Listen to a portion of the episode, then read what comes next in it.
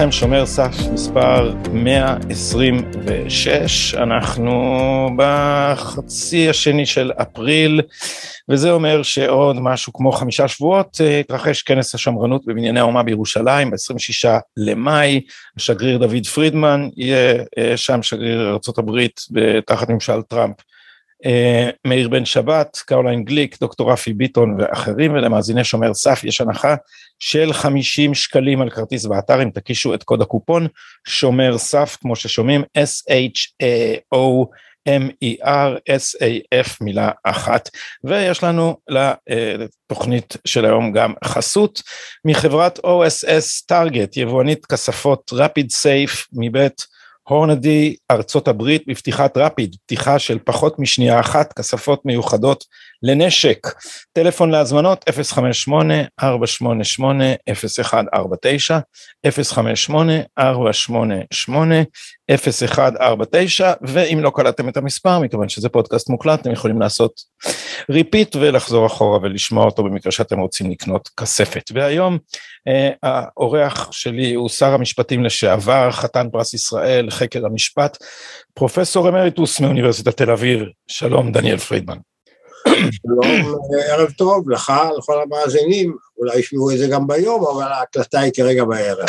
ואנחנו התכנסנו לרגל צאת אה, ספרך, הרצחת וגם אה, ירשת, משפט מוסר וחברה בסיפורי אה, המקרא, אני עוד לא סיימתי לקרוא אותו, אבל כפי שאמרתי לך בשיחה מקדימה, זה ממש אה, סוחף, אה, ו, וכתוב אה, כתיבה אה, מסעית, ו... אה, מאיר עיניים באופן, אה, בשפע אה, אספקטים, ממש היה קשה לבחור מאיפה, מאיפה להתחיל.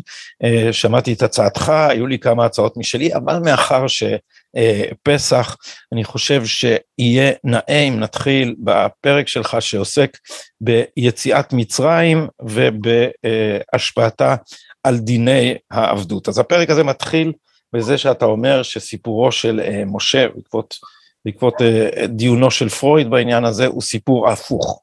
אולי תגיד לנו בהתחלה מה זאת אומרת שהוא סיפור הפוך. טוב, קודם כל אני אומר, הספר הזה שיצא זה כמובן מהדורה שנייה של ספר שיצא לפני כ-21 או 22 שנה. מה, ש, שנייה ומורחבת. כן, זוהי מהדורה חדשה, מורחבת, ובין השאר, הפרק הזה שאתה מזכיר, הוא פרק שהוספתי ל... ל... למהדורה הזו, ושלא היה במהדורה אה, הקודמת. אז היו לכך אה, מספר סיבות. סיבה אחת, קודם כל זה, הרגשתי שזה נושא חשוב, שראוי היה לכלול אותו. והסיבה השנייה, זה גם ויכוח שפרץ בין אה, אה, מלומדים בתחום אחר. שאני לא יכול אה, להתמודד איתם, אבל בכל זאת יש משהו, יש לי משהו אולי להוסיף ולומר על הוויכוח. וזה הוויכוח שפרץ בין, אמ, אה, בין הארכיאולוגים. כאשר ישנן בעצם, הייתי אומר, שתי מגמות שאפשר לתאר אותן בלשון הרחבה ביותר. מגמה אחת היא מגמה שאומרת, התנ"ך, סיפורי התנ"ך, החלק ההיסטורי, זה בעצם חלק היסטורי, שיכול להיות שיש בו אי דיוק כזה או אחר, אבל בעיקרו של דבר זו ההיסטוריה בוודאי מהתקופה שעם ישראל קם כעם, אני לא מדבר על תקופת האבות ש, שקדמה ושזה תקופה של משפחות, אבל התקופה של עם ישראל כעם זו, זו היסטוריה, אז זה, זו מגמה אחת של... זאת אומרת, זה, זה תיעוד כזה או אחר של אירועים שאכן התרחשו. שאכן התרחשו, גם אם התיעוד נעשה בתקופה קצת יותר מאוחרת, אולי התבסס בין על סיפורים, בין על מסמכים קודמים, ואין ספק שהיו מסמכים קודמים שחלקם אה, עבדו.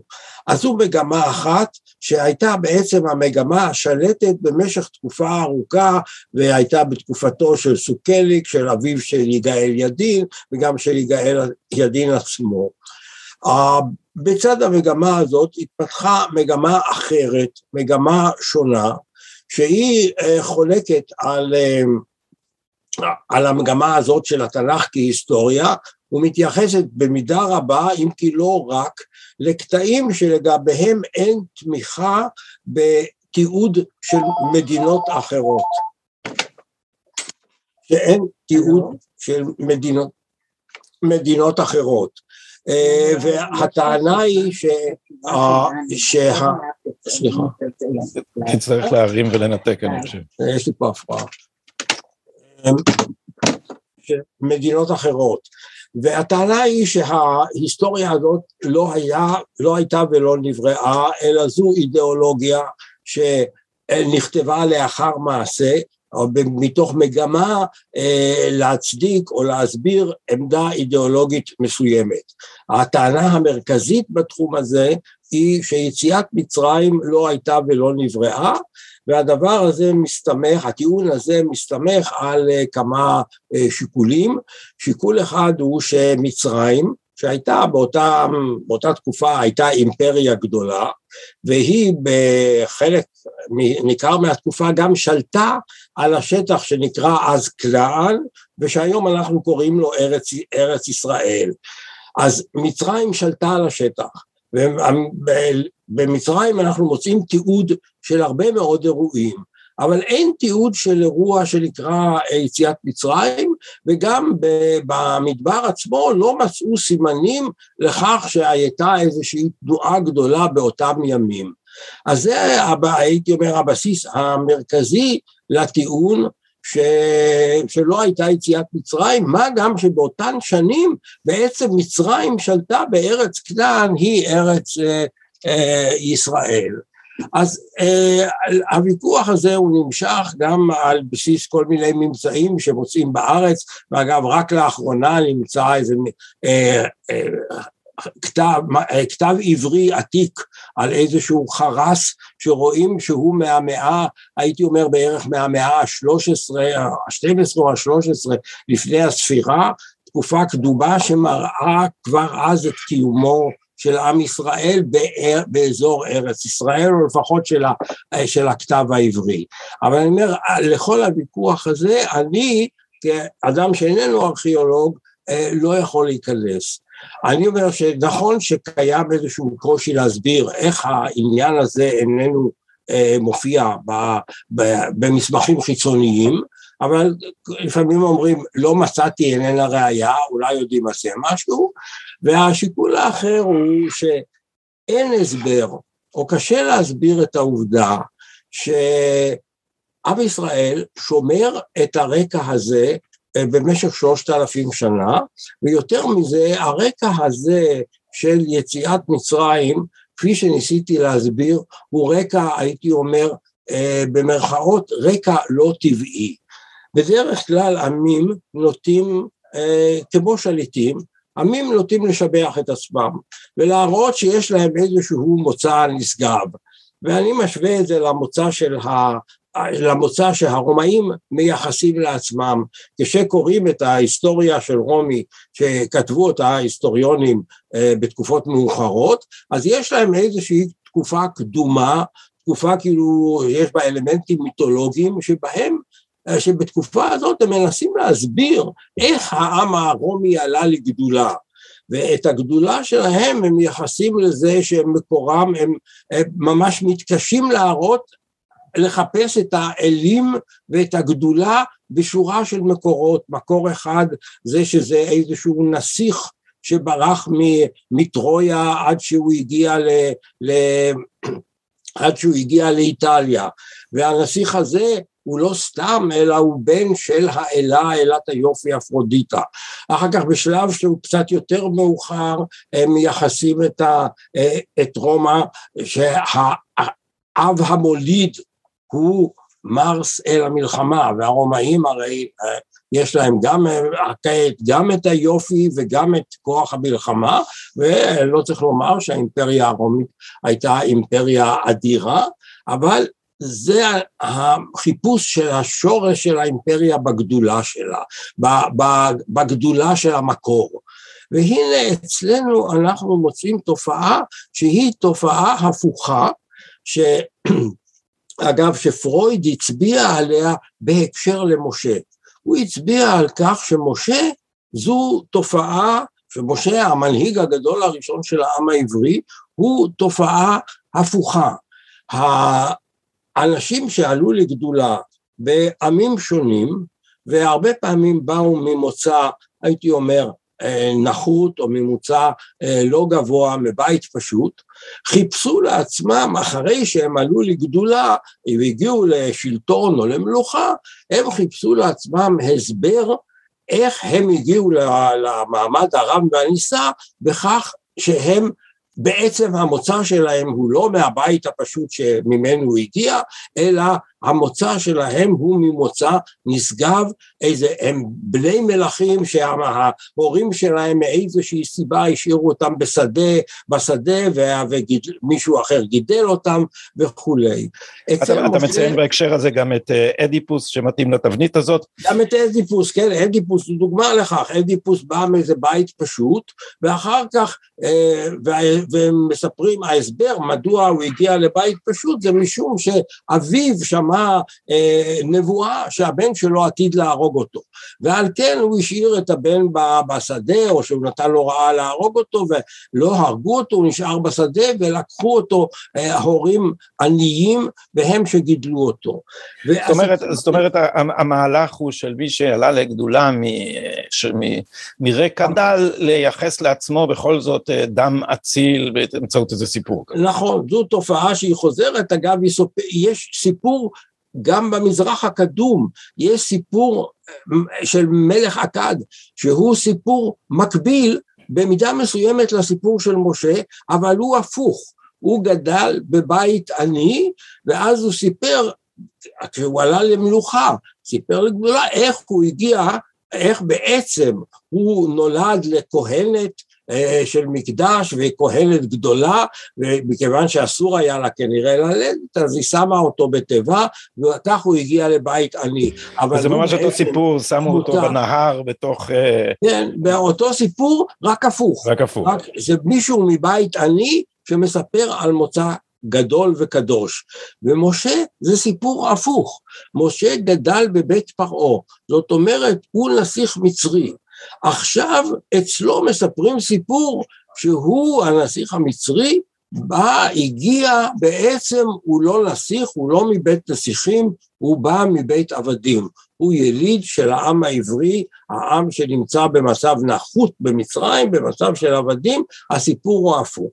וההסבר של פרויד הוא בגלל שזה היה בעצם נסיך מצרי, שרצה לאמץ לעצמו את העם העברי, וככה הוא עשה. אבל אני אומר, זה לא רק הסיפור של משה עצמו, זה הסיפור של העם היהודי כולו. העם היהודי לא מחפש לעצמו מקור של גדולה, הוא מספר מלכתחילה שהוא בא מבית עבדים, ומבחינה זו הסיפור הייתי אומר, מוסיף לו נופש דרמטי, דווקא מבחינה זו שהוא לא מייחס לעצמו איזושהי גדולה, לא בא ממוצא אצילי, גם האבות, האבות שהם מייחסים לנו, משפחתו של אברהם, של יצחק ושל יעקב, זה לא איזה משפחת שליטים או משפחה אצילה, זו משפחת רועים רגילה שחיה חיה את חייה.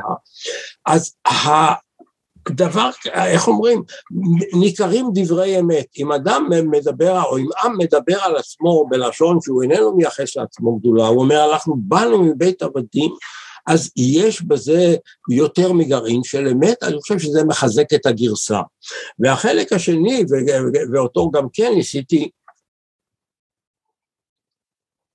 לתאר באותו פרק, זה החלק שאנחנו מסתכלים על חוקי המקרא. בהשוואה, חוקי המקרא בשעתו נחשבו למשהו מאוד מאוד יוצא דופן, אמרו, חשבו שזה, אלה הם החוקים היחידים שיש לנו מאותה תקופה עתיקה. אבל עם התפתחות הארכיאולוגיה גילו שלעמים אחרים היו גם כן חוקים. ו... והיו חוקי חמורבי שמאוד מאוד התפרסמו, אבל היו חוקים לחיטים, והיו חוקים לעמים נוספים. הניסוח, יש דמיון מסוים בניסוח אה, של חוקי המקרא לחוקים שאנחנו מוצאים בעולם העתיק, אבל יש הבדל בסיסי גדול מאוד, וההבדל הוא שבחוקי אה, ישראל אנחנו רואים את מה שאני כיניתי כחוקי חמלה, זאת אומרת חלק גדול מה, מהחוקים אה, מוקדש להגנה על, אה, על העניים, על דלת העם, על הרצון להגן על החייב מפני השפלתו, גם הרצון להגן על העבד. קודם כל, חלק מרכזי זה ההגנה על העבדים.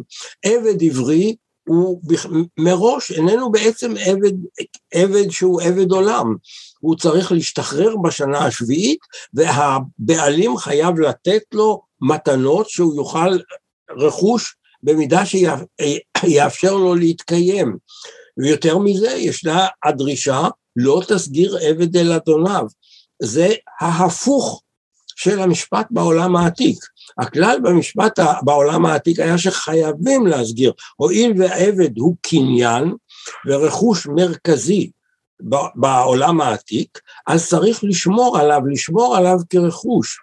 ומי ששומר על עבד בורח ולא מסגיר אותו, עובר עבירה שדינה עלול להיות אפילו, אפילו מוות. על, על דילמה כזאת כמעט בלעבר, בסוף התפרקה ארצות הברית, נכון? על הדילמה הזאת, כן, כאשר, כאשר הזאת... הצפון, ערבו את הצפון בחוקי העבדות של הדרום בכך שהכריחו אותם להחזיר עבד בורח, כלומר זה, וזה באמת... זו הייתה דרישה, הצפון לא קיים אבל זו הייתה אה, דרישה. לא קיים לסירוגין.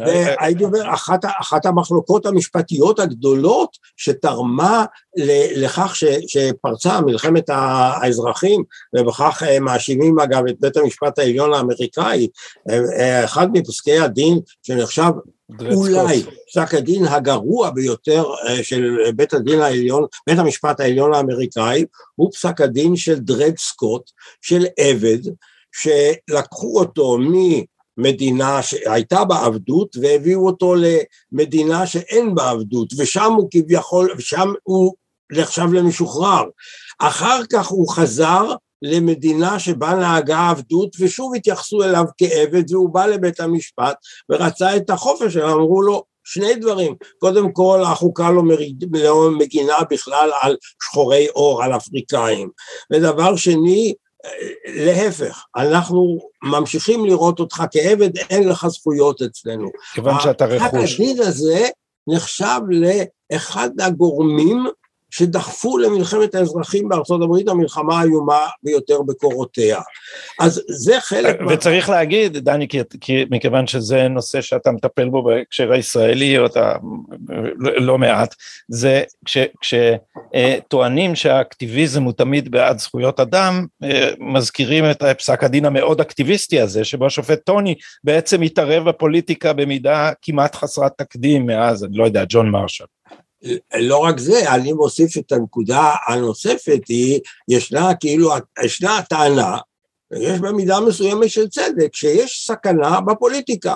הפוליטיקאים והמדיני, והמדינאים יכולים להחליט החלטות מסוכנות. יכולים לצאת למלחמה שלא צריך, יכולים לעשות uh, הסדרי שלום שהם לא טוב, כל מיני טענות, אין ספק שהפוליטיקאים יכולים לעשות שגיאות שיש בהן משום סכנה. אבל ההלכה היא כמובן שבית המשפט יתקן את זה, ואילו בית המשפט הוא רק משהו שמתקן ומשפר, בעוד שהמציאות, הניסיון, אגב גם במדינת ישראל, מראה שיש פסקי דין של בית משפט שהם פסקי דין מסוכנים. אני חושב למשל שפסק הדין שאפשר נניח לכהנא להיכנס, להיבחר לפרלמנט ופתח בפניו את הישר, זה פסק דין מסוכן. ואותו דבר פסק הדין של, שאפשר לעזבי בשארה להיכנס לבית המחוקקים שלנו, הוא פסק דין מסוכן ושיש לו תוצאות שהן בהחלט לא תוצאות חיוביות. אגב, לשני הדברים האלה תוצאות שהן תוצאות לא חיוביות, שלדעתי הן ממשיכות להיות אצלנו. כך שיש סכנה בהחלט, אם דיברנו, אם אנחנו סחוטים מהנושא, ועברנו לעניין הזה של סכנה, גם סכ... בכל כוח יש סכנה, לא רק בפוליטיקה, ואם נותנים כוח לבית משפט, וכוח גם להתגבר ולהחליט לנהל את המדינה, יש בזה סכנה שהיא לא פחות גדולה מהסכנה של, אה, שפוליטיקאים ישגו, לכך מצטרפת העובדה הכפולה, ראשית שאין לבית המשפט את הלגיטימציה לעשות את הצעדים האלה מכיוון שהוא לא גוף נבחר, והדבר השני שאותו לא ניתן להחליף כפי שניתן להחליף בעצם את הפוליטיקאים, אם אנחנו חושבים שהם שגו במהלך כזה או במהלך אחר. ועל אבל... זה הייתי, הייתי מוסיף את הדבר השלישי, שיש להם סמכות בלי אחריות, והפיצול בין סמכות לאחריות הוא, הוא, הוא כן, זה, זה, אם אתה אומר סמכות בלי אחריות, זה בעצם הדבר שאני אומר, הם אינם עומדים לבחירה. מה פירוש אחריות? פוליטיקאי, אם הוא מחליט לעשות צעד מסוים בתחום הכלכלי, בתחום הצבאי, והצעד הזה נראה לציבור כצעד לא מוצלח, הוא יכול, הוא יש לו אחריות מבחינה זו שהציבור יכול בפעם, או יש להניח שלא יבחר בו, או סיכוייו להיבחר יורדים.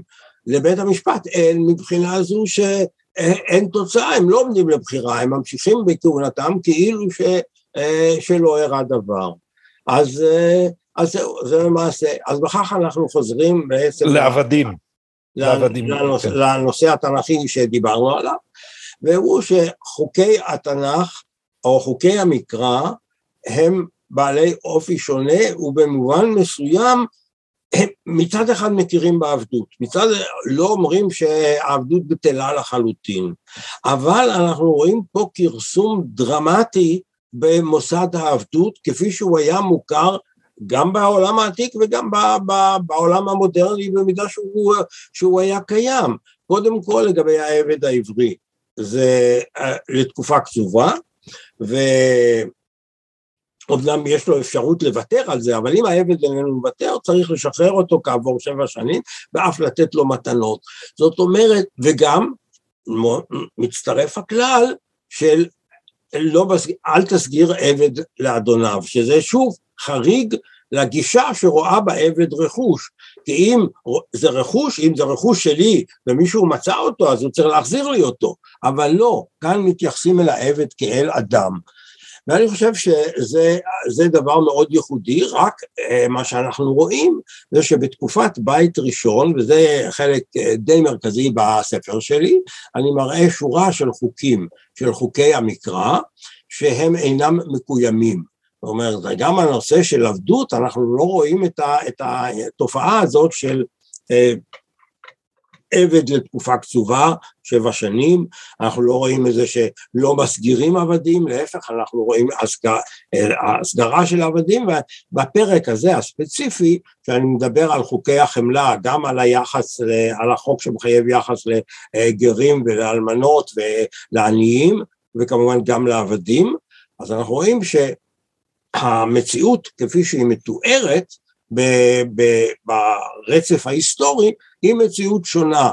אה, פרשה אחת היא פרשה של שמעי בן גרה, שהעבדים שלו ברחו לאחיש, הם ברחו לעיר פלישתית, ואז הוא יוצא והוא הולך ומביא אותם בחזרה. זאת אומרת, איך הוא מביא אותם בחזרה? יש להניח שפשוט הסגירו אותם, הסגירו את העבדים לידיו. וההנחה שוב, מכיוון שזה היה בידי פלישתים, שהיה כאן הסכם בין אה, ישראל לבין הפלישתים, הסכם שהיה מקובל בעולם העתיק, שמסגירים עבדים אחד לשני.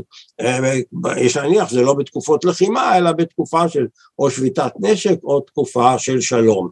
ובדומה לכך, או אולי אפילו בצורה יותר חמורה, הסיפור של אה, המצור הבבלי על ירושלים בתקופת ירמיהו, בשעה שהבבלים שמים מצור על ירושלים והעם והמלך צדקיהו נמצאים במשבר גדול, אז אחת הדרכים לרצות את uh, הקדוש ברוך הוא אז זה לשחרר את העבדים, והם עושים טקס גדול, ברית עם אדוני, לשחרר את העבדים והם משחררים אותם. והנה בדיוק מיד אחרי השחרור קורה הנס, הצבא הבבלי מסיר את המצור מעל ירושלים. עכשיו, למה הצבא המצרי הסיר את הבבלי, הסיר את המצור על ירושלים?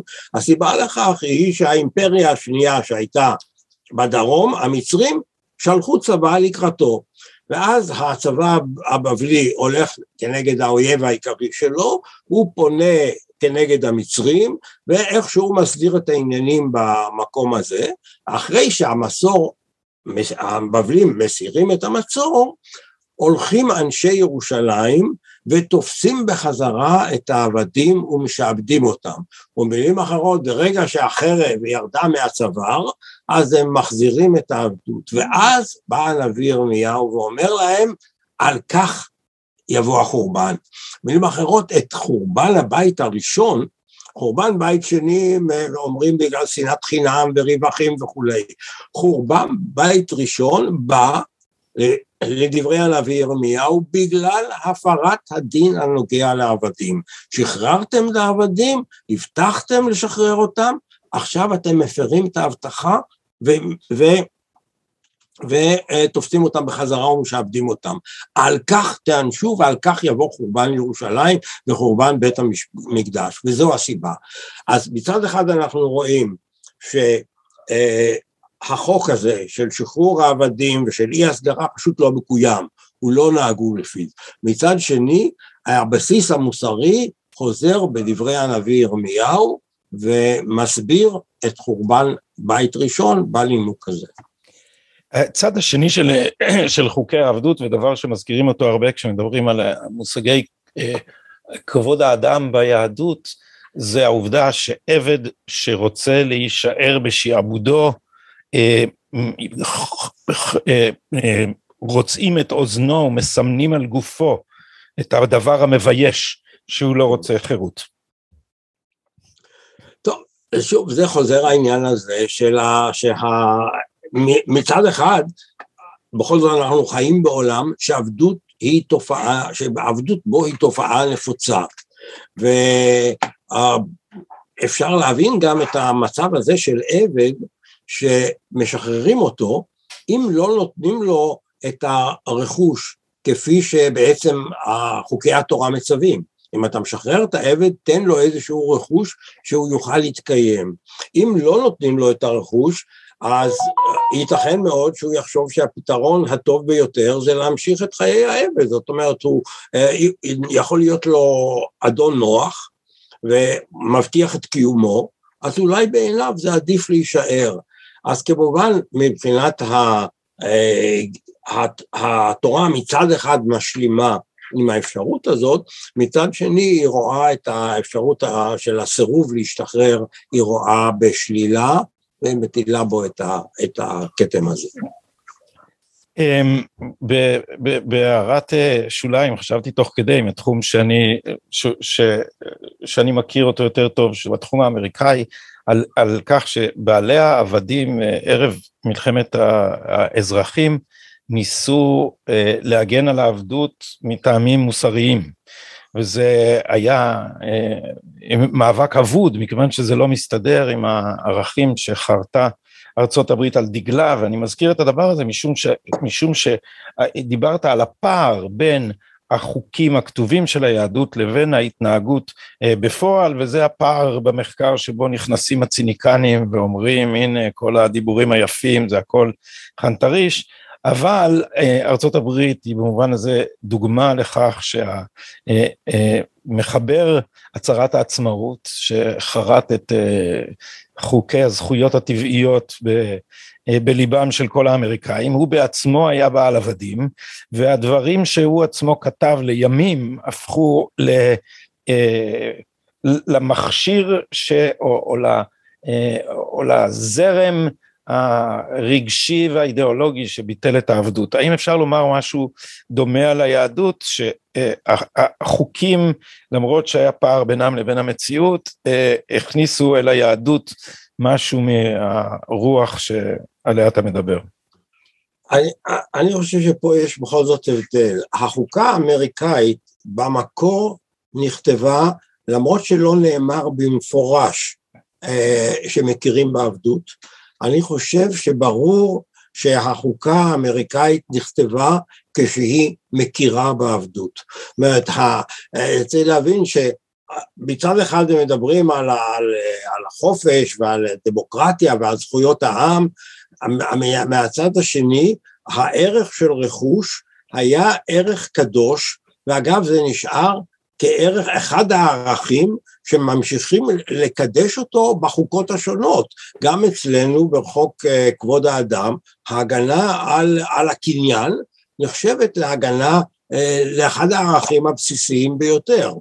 וזה דבר שנמשך גם בהכרזת זכויות האדם של אה, הצרפתית, שנעשתה מיד אחר המהפכה, הקניין נחשב למשהו בעל ערך גבוה מאוד אם לא ערך עליון. ובחוקה האמריקאית, כשהם מדברים על רכוש, אני חושב שהיה פחות או יותר ברור שהכוונה שזה כולל גם את העבדים כרכוש, אף אחד לא העלה על הדעת שההוראות בקשר לשוויון וכולי גוברות על, על, על רעיון של הגנה על הרכוש, שגם הוא מוגן בחוקה האמריקאית. השינוי, החוקה האמריקאית למעשה שונתה, ויש כאלה שאומרים מי ששינה את, ה, את, ה, את, את אמריקה ומי ששינה את החוקה זה היה אברהם לינקולן, כי אצל לינקולן בעצם העבדים יצאו מגדר רכוש.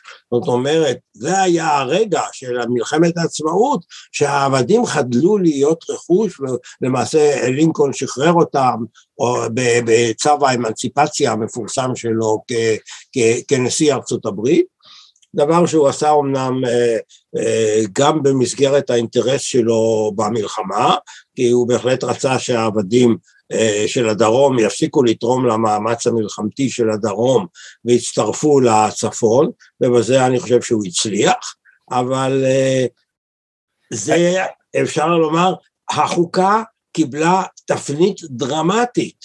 וללינקולן עצמו הייתה בעיה, הייתה בעיה מכיוון שהחוקה לא הסמיכה אותו לבטל את העבדות, הוא למעשה עשה את זה על ידי כך שהוא נשען על חוקי חירום והמתחכמים יגידו, הוא אמר, שהוא אמר לעצמו, אוקיי, אם העבדים הם רכוש, במסגרת אה, הזכויות שמקנים לי חוקי החירום, אני יכול להחרים את רכוש האויב ובזאת אני יכול להחרים ולשחרר את העבדים. זה לא בדיוק מה שהוא עשה, אבל הוא השתמש בחוקי החירום. זו, זו הטענה, בכלל טענה שכל הטענות האלה של אה, ויכוח על, על חוקה ועד כמה ניתן לשחק בחוקה, ישנה טענה שה, שהדרום בעצם, מדינות הדרום, הייתה להם זכות לפרוש לפי החוקה, אבל לא, לא, שברגע שפגעו בזכויות שלהם וכולי, שהחוקה המקורית הבטיחה את זכויות המדינות הנפרדות בצורה הרבה יותר רחבה ממה שהן מוגנות כיום על פי השיטה הפדרלית,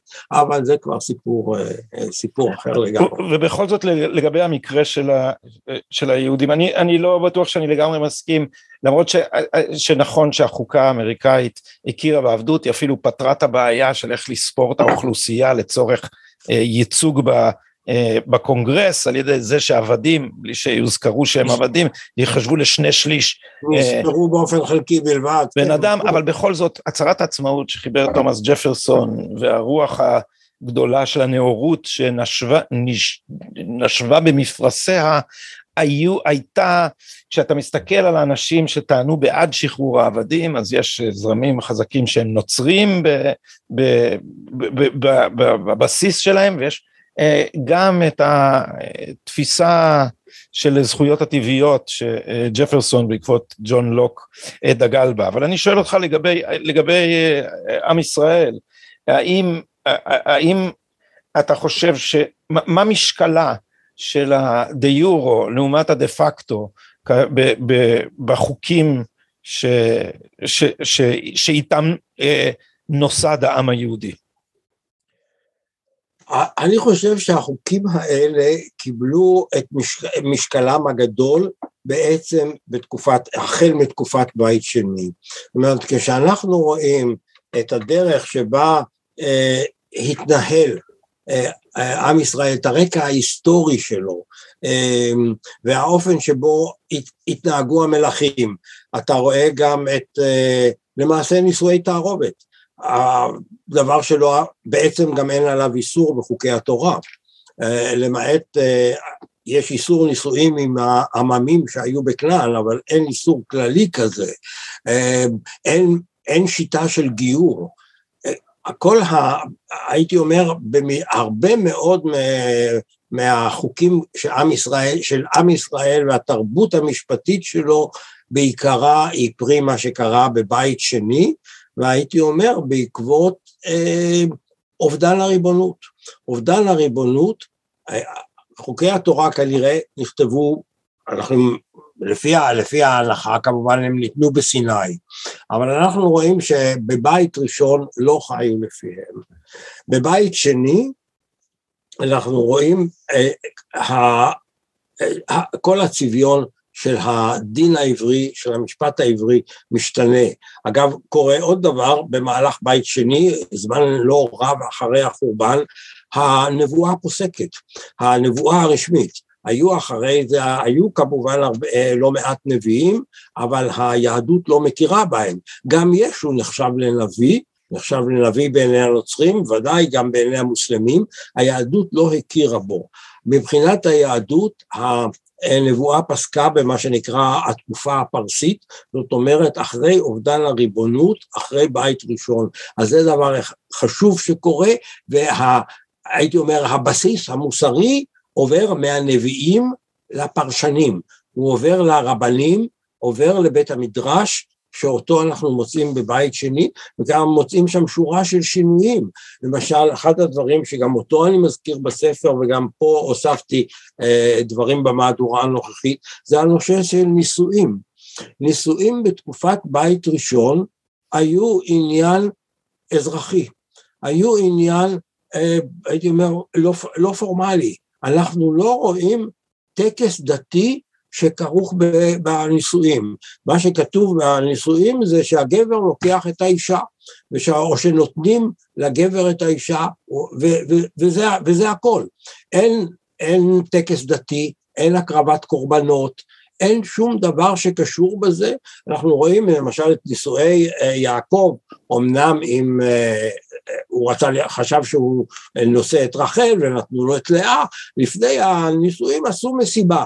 אז כנראה שהיו חגיגות, היו מקרים של חגיגות לקראת נישואים, שזה דבר, אה, אירוע משמח ויש חגיגה, אבל אנחנו לא רואים פה שום אלמנט דתי, אנחנו רואים גם חגיגה גדולה בנישואים של אה, שמשון עם בת פלישתים, גם כאן אה, נישואי תערובת, לא עם יהודייה, אבל לא, אלה לא נישואים שהיו אסורים, וגם כאן הצד המאפיין הוא שאלה לא נישואים דתיים, זה, זה איזשהו אה, הליך, אה, הליך של הסכמה, של איזה מין חוזה שנערך אולי בין אבי האישה לבין, ה, לבין הבעל, משהו מעין זה. כל המעבר של הנישואים שיש יש הליך של קידושין וכולי, זה, זו התפתחות של בית שני, שהם מצאו דרך לפרש את חוקי התורה כמאפשרים את זה, או כאומרים שזה הליך דתי, אבל זה, זה, זה לא דבר שנאמר וזה לא מה, ש, לא מה שהתקיים בתקופת, אה, אה, בתקופת בית ראשון. תקופת בית ראשון, הנישואים הם הליך חילוני, ואגב אה, גם, גם הגירושין, אה, הגירושין נזכרים בתורה כטקס, כספר שהבעל נותן לאשתו, הגירושים כפי שהתרחשו בפועל היו קצת שונים, מספיק שהבעל היה עוזב את הבית, או שהיה עוזב את הבית אה, לתקופה מסוימת כדי לחשוב שבני הזוג יתגרשו. אמ, אתה בפרק הזה על, על יציאת מצרים אתה אה, מזכיר את העובדה שעם ישראל הוא היחיד שנולד כשספר חוקים בידו בעצם המעמד שמכונן אותו הוא אה, מעמד אה, הענקת החוקים. אפשר לומר שפטיש החוקים של עם ישראל קיבל תפנית או התפתחות או התווסף אליו זרם נוסף בגלות כאשר אה, ביססו אה, את התלמוד כולו על פלפולים חוקיים והנה הגענו למצב שבו יש לנו ריבונות והריבונות הפכה והתמוססה בידינו לכלל פטיש חוקתי חדש בידי בית משפט אקטיביסטי ואנחנו אנחנו הסכמנו לזה. האם משהו בהיסטוריה שלנו הוביל אותנו לבלבל בין פוליטיקה לחקיקה? נראה לי, אני, לא, זה נראה לי פה איזשהו אה, תהליך אחר. זה נכון מה שאתה אמרת בתחילה, שעם ישראל נולד עם ספר אה, אה, חוקים בידיו, ובכלל אפשר לומר שהאלמנט המשפטי אה, מאוד בולט בתרבות שלנו, ואני חושב שאולי אולי בעקבותינו, אולי לא רק בעקבותינו, הוא אלמנט מאוד מאוד בולט בתרבות המערב. אחד הדברים המעניינים, שאפשר לומר שבעצם תולדות האדם, כפי שהם מסופר, מסופרים בספר בראשית, אלוהים בורא את האדם ובורא את חווה, האירוע הראשון שמתרחש זה משפט. אלוהים עושה להם משפט על זה שאברהם, שאברהם, שהאדם, אה, שאדם וחווה אוכלים מעץ הדעת כן. בניגוד לאיסור. זאת אומרת, אפשר להגיד שתולדות האדם אצלנו מתחילים, בב... התולדות מתחילים בבית משפט, בבית משפט אלוהי. ולאחר, ולאחר מכן כשקם עם ישראל הוא מתחיל עם אה, ספר חוקים. כך שאפשר לומר שאצלנו וכנראה אולי אצל, אה, במידה מסוימת גם אצל היוונים היה, המשפט היה חלק חשוב בתרבות, משפט סוקרטס, וגם אצל הרומאים ש... אה, המשפט הפך אה, מרכיב גדול מאוד בתרבות שלהם. אז הייתי אומר שהמשפט הוא אה, במובן מסוים חלק מרכזי בתרבות המערב, אומרים שבתרבות המזרח הרחוק המצב שונה, הם יותר נרתעים ממשפטיים.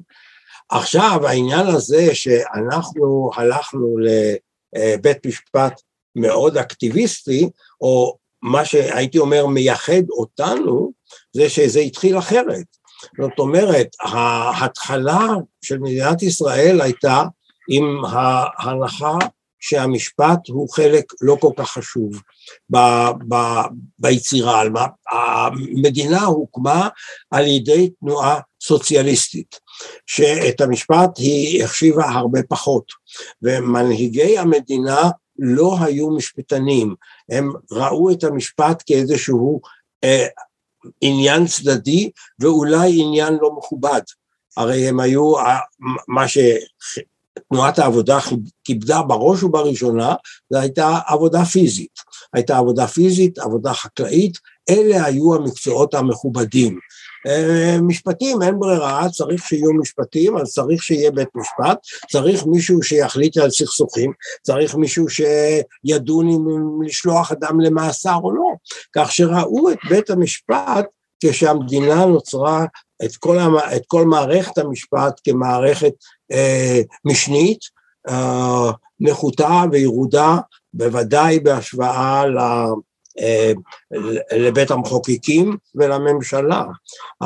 מה שקרה הוא שבמהלך השנים המצב התהפך, וזה במידה לא מבוטלת, הייתי אומר פרי, אה, במידה מסוימת פרי כישלונות בפוליטיקה, ובמידה אחרת פרי יוזמה ועוצמה שהמערכת לקחה לעצמה. ושהפוליטיקה לא יכלה להתמודד איתה, לא הייתה מסוגלת ולא מסוגלת גם היום להתמודד איתה. אתה, אתה כותב, אומר בריאיון שערכו איתך אה, במעריב זה היה נדמה לי, אה, בערב החג, אתה, אתה אומר שלבית המשפט וליועץ המשפטי, אני מניח גם לפרקליטות, יש כוח אה, גדול מדי ושאין אפשרות לטפל בזה או שמאוחר לטפל בזה מפני שהכוח שלהם הוא כל כך גדול שהם יכולים למנוע כל אפשרות לעשות שינוי אתה אה, פסימי באשר לאפשרות לצאת מעבדות אה, למשפטנים לחירות מתישהו בעתיד הנראה לעין. סליחה אני לא, שומע, לא הבנתי את ה... אני שואל, אה, הדברים שאמרת בריאיון נשמעו לי מאוד פסימיים, זאת אומרת שיש להם כל כך הרבה כוח ליועמ"ש כן. ולפרקליטות שכבר אי אפשר לנטרל אותו, כי בכוחם להכריע כל התנגדות. אז הייתי אומר, אה, את הדברים האלה אני ממתן, זאת אומרת, אה, אני חושב שגם באותו רעיון אמרתי את זה, כדי, כדי לשנות את המצב יש צורך בהסכמה פוליטית. Uh, כאשר הפוליטיקה מפוצלת, ולמעשה ה, היכולת של, ה, של המשפטנים לקחת את הכוח גם, והמשפטנים אני מתכוון גם למערכת הבירוקרטית, זאת אומרת לפרקליטות וליועץ המשפטי, וגם לבית המשפט. היכולת שלהם לקחת כוח ולצבור כוח, אה, היכולת הזאת נעוצה במידה רבה בחולשה של הפוליטיקה.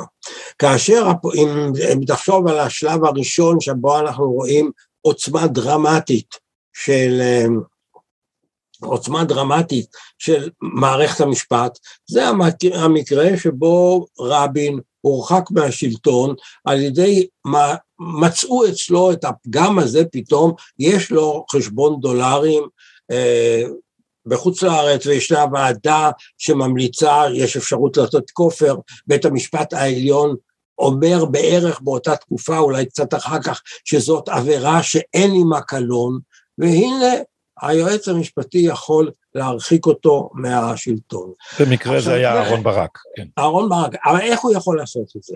אני חושב שאחת הסיבות המרכזיות זה שהשלטון באותם ימים היה מאוד מאוד חלש, כי זה היה, אנחנו היינו אחרי מלחמת uh, יום הכיפורים, ממשלת גולדה התפטרה בגלל האסון שאירע במלחמה הזו, אה, רבין עולה לשלטון, אגב לא באמצעות בחירות, אלא באמצעות המערכת הפוליטית מחליטה שהיא לא מוכנה לוותר על השלטון, וה... במקרה, והמפא"י או מפלגת העבודה ממשיכה לשלוט למרות שבעצם אלה שנבחרו פרשו בתוך, באמצעות הליך פנימי, וכמובן זה שלטון מאוד מאוד חלש, עם אופוזיציה מאוד מאוד חזקה, וכאשר אה, מציגים, בעצם ברק מציג את העמדה הזאת שהיועץ, שיוגש כתב אישום על הדבר הזה, למרות שאפשר להמיר אותו בכופר, המערכת הפוליטית היא חסרת אונים. אה, רבין מקבל את זה, הוא אפילו לא הולך לעורך דין פרטי, הוא, הוא פורש. וכך אנחנו רואים את זה אה, שהחולשה של המערכת הפוליטית, אה, למעשה חולשה שבמידה לא מעטה נמשכה מאז, ולמעשה היינו תקופה ארוכה במצב של איזשהו תיקו פוליטי, וכאן התיקו הזה שמדי פעם צריך לזכור, ההחלטה, ההחלטה של מערכת המשפט מועילה לאחד הצדדים הפוליטיים. בגין נהנה מההחלטה הזאת של, של, של ברק. במידה רבה הוא עלה לשלטון בזכות הדבר הזה.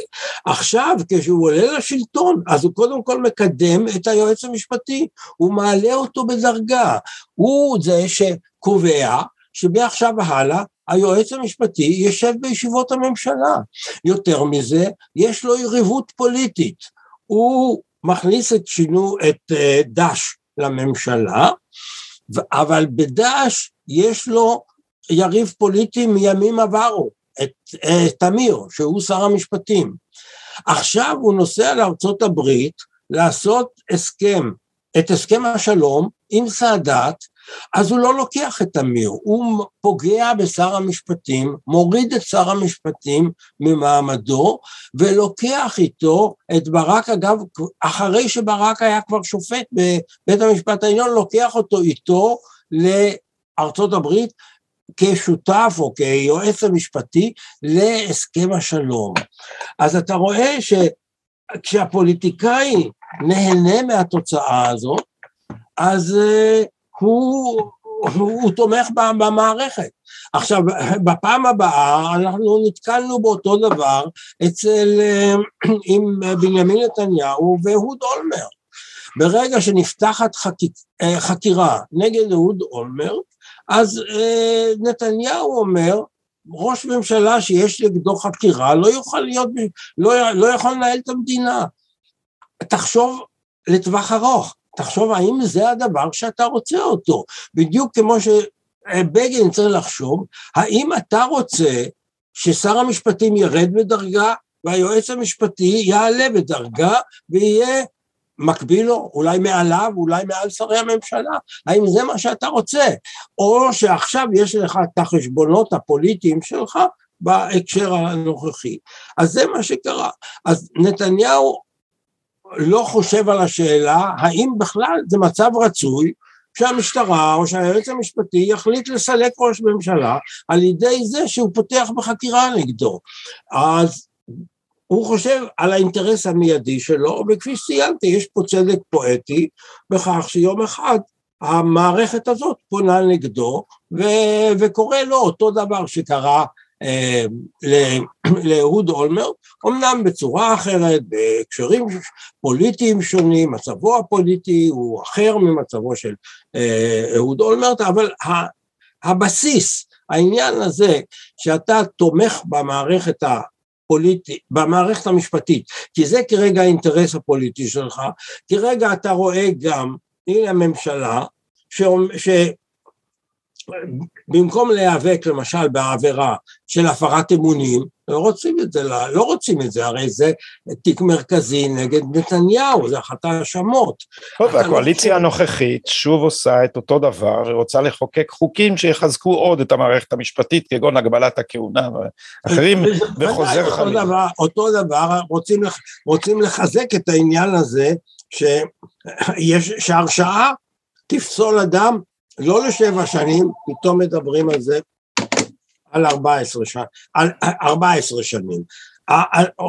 ואז אתה מעניק יותר כוח לענישה, הענישה תהיה יותר חמורה. אז אלה הם הדברים ש... דני, לסיום אני רוצה להחזיר אותך לספר, תכף תוכל להתפנות גם לטלפונים, ולשאול, זה, אני אראה שוב את הספר נושא דיוננו, הרצחת וגם ירשת, משפט מוסר וחברה בציפורי המקרא, ולשאול אותך ברמה האישית, זה, זה אה, ניכר, ניכרת בספר קריאה אינטנסיבית מאוד בתנ"ך, זה דבר חדש, זה לאורך כל חייך, זה, אה, זה דבר שהיית עושה בשעות הפנאי, מאיפה, זה, זה לא דבר שידעתי עליך. יש לי ההיבט הזה, הרצון לקרוא לפעמים סיפורים או טקסטים שאני מסתכל עליהם כמשפטן ואני חושב שאני רואה בהם לפעמים זוויות אחרות. אז זה היה לי לגבי התנ"ך, אני לא רוצה לומר בתנ"ך יש חלקים שהם פחות מעניינים, לפחות אותי, אני יודע כל מלאכת עבודת המשכן היא עבודה, נראה לי אה, אה, לא הדבר הכי מרתק. לעומת זאת, כשאנחנו קוראים את הסיפורים ההיסטוריים ואת הסיפורים האישיים שאנחנו נתקלים בהם, אני חושב שיש בהם גם היבטים משפטיים שאולי לא תמיד ראו אותם, אם כי אגב, הפרשנים המסורתיים, הרבנים, הם ראו את הדברים, אבל הם תמיד נתנו להם את הפירוש שמתיישב עם האמונה הדתית שלהם. ואני ראיתי אפשרות להציע, להציע גישה שונה, וגם הייתי אומר, אני נתקל בזה גם לא רק ב... ב לא רק בתנ"ך, אני נתקל בזה בדברים האלה גם בספרות מודרנית. הוא קורא לפעמים סיפורים אני רואה אותם באור קצת שונה, או אני חושב שאני רואה אותם באור קצת שונה, בהיבט הזה שמבחינה זו שיש לזה איזשהו קשר לספרות ומשפט. אבל התנ"ך, יש בו האלמנט, הייתי אומר, המיוחד הזה, שקודם כל, בכל זאת, אני, לא, אני לא יודע, כשהייתי צעיר, אנחנו הכרנו את התנ"ך הרבה יותר טוב מאשר מה שהילדים שלי והנכדים שלי ובני דורם מכירים.